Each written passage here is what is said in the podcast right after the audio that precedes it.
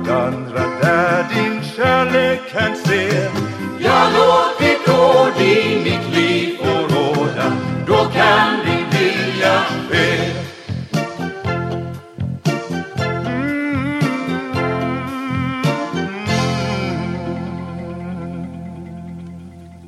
Välkommen till eh, aftonbön i närradion.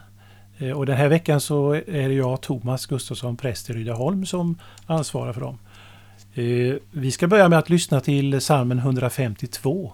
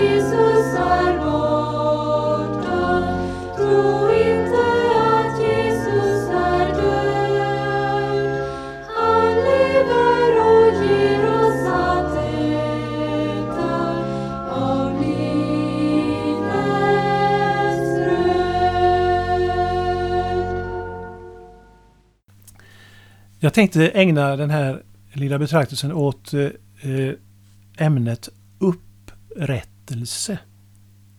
Upprättelse. Och då tänker jag särskilt eh, utifrån det som hände med Simon Petrus där uppe vid Tiberias sjö. Jag läser från Johannes evangeliets 21 kapitel. När Jesus och hans lärjungar hade ätit sa Jesus till Simon Petrus Simon, Johannes son, älskar du mig mer än andra gör? Simon svarade Ja, Herre, du vet att jag har dig kär. Jesus sa För mina lamm på bete. Han frågade honom för andra gången Simon, Johannes son, älskar du mig?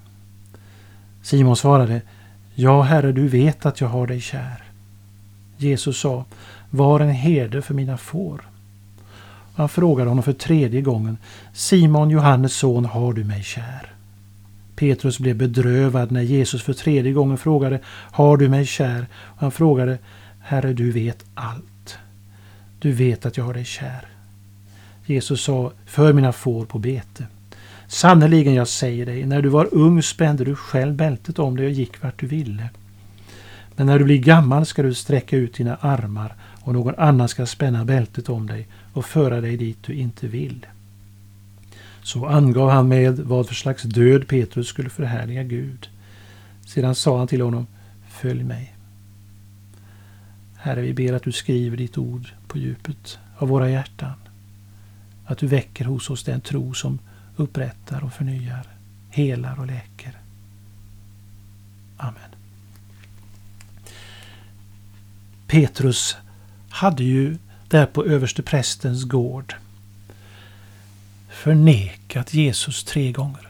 Trots alla dyra och heliga löften han gett Jesus. Om så alla andra lämnar dig och överger dig så ska jag aldrig göra det. Jesus, du kan räkna med mig. Jag är lojal ända till döds om det behövs. Och eh, så följer ju Jesus, eller Petrus, eh, händelseutvecklingen där. Han följer efter på avstånd till översteprästens gård och han blandar sig med folket där på gården och eh, eh så efter en stund så känner man igen honom eller identifierar honom som någon annan än de som borde varit där kanske. Och så frågar då en flicka Är inte du också en av dem som följde Jesus? Och det här är upprepas så det sker tre gånger. Jesus hade ju sagt att innan tuppen gal ska du tre gånger ha förnekat mig. Och det är precis det som händer där på översteprästens gård. Petrus. Alla de här löftena, de är som bortblåsta. När rädslan griper tag i honom, fruktan för sitt eget liv. Och Petrus han går gråtande ut när Jesus ser på honom med sina ögon fyllda av sorg och smärta men också av kärlek till lärjungen. Petrus går ut och gråter bittert. Och så är han, kan vi ju tänka oss, verkligen tyngd av det här under den här tiden som händer eh, fram till uppståndelsen. Han känner sig totalt misslyckad. Han känner sig fullständigt fördömd. Hur kunde han? Judas hade ju gått bort och, eh, och eh, han hade förnekat, han hade förrått Jesus och han hade till och med som en konsekvens av det gått och hängt sig. Petrus tillgrep inte så dramatiska åtgärder. Men han var fylld och tyngd av sorg och smärta. Och så kallar Jesus lärjungarna upp till Galileen. Det hörde vi om igår. Och där händer detta makalösa i, på eh, sjöstranden där. Hur Jesus möter lärjungen Petrus.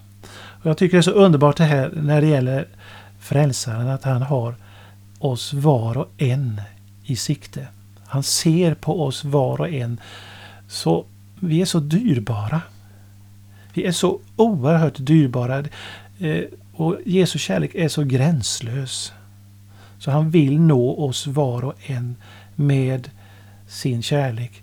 Den som helar och upprättar. Men upprättelsen kan ju ibland eh, ske också så att den, det, den smärtar oss. Vi måste få liksom lämna över den här smärtan till Herren Jesus. Och för Petrus del så var det ju detta, han var så väl medveten om och Jesus trycker just på den här ömma punkten. Älskar du mig mer än de andra? Älskar du mig? Tre gånger får han höra den frågan. Tre gånger har han förnekat honom. Tre gånger får han höra denna fråga. Älskar du mig?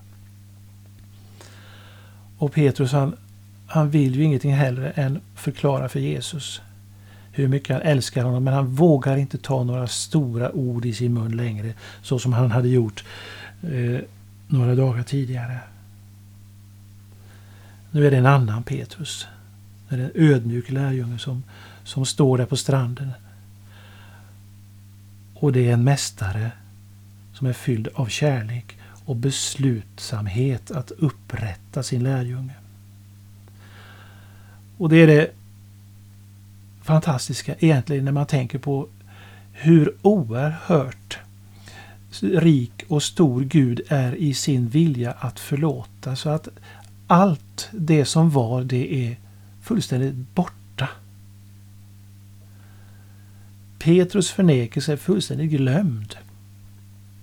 Jesus upprättar sin lärjunge och ger honom ett förtroende som ju är något alldeles oerhört.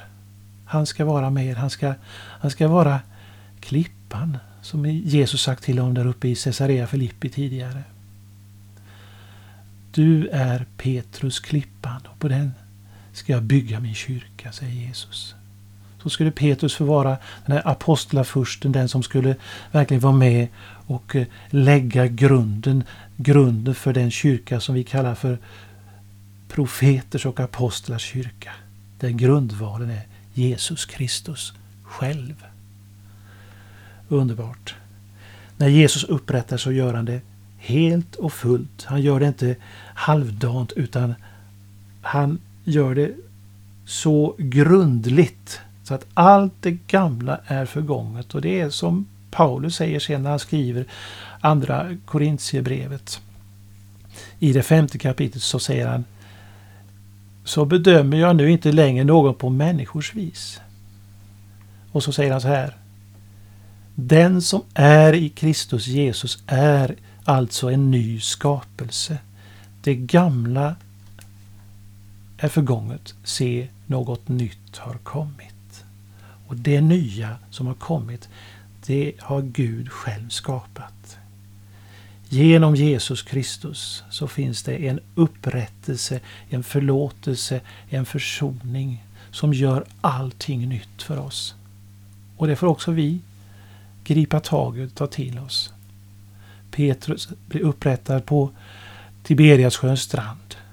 Jesus vill upprätta dig. Du kanske har någon särskild smärta som du går och bär på. En sorg och en skam vad det kan vara som, som har följt dig många år i livet kanske. Och som du inte riktigt kan ha blivit av med trots att du har sagt det så många gånger i din bekännelse, din synabekännelse. Men inte riktigt ändå kunnat ta till dig. Tänk på att Jesus upprättar helt och fullt. Och det som är lagt ner vid Jesu kors, det är för alltid borta. Borta ur ditt liv.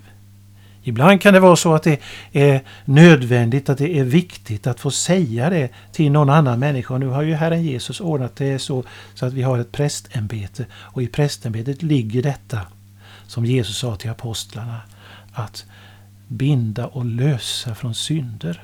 Och det finns inget underbarare än när man genom bikten eh, får säga till sin själasörjare alla de synder som ligger på hjärtat, som tynger, som förlamar och försvårar mitt kristenliv. Att få säga det, bekänna det. Och sen få höra prästens ord. Dina synder är dig förlåtna. I Faderns och Sonens och den helige Andes namn. Det är stort. Det är större än allt annat. Det upprättar, det förnyar, det skapar någonting helt nytt. Det är hela relationen mellan människan och Gud för Jesus skull. Låt oss be.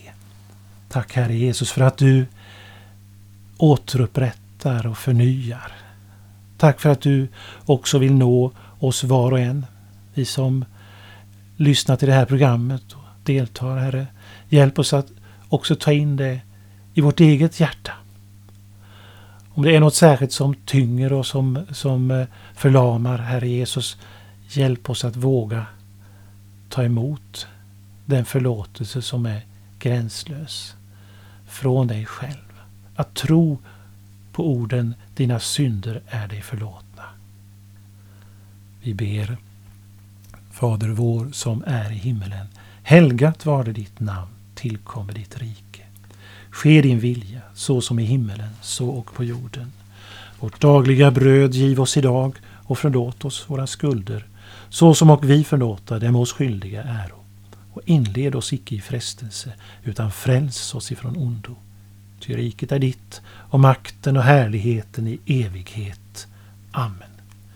Välsigna oss Gud allsmäktig, Fader, Son och helig Ande.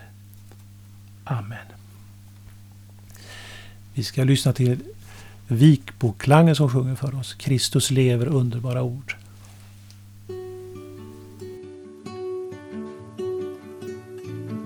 to see.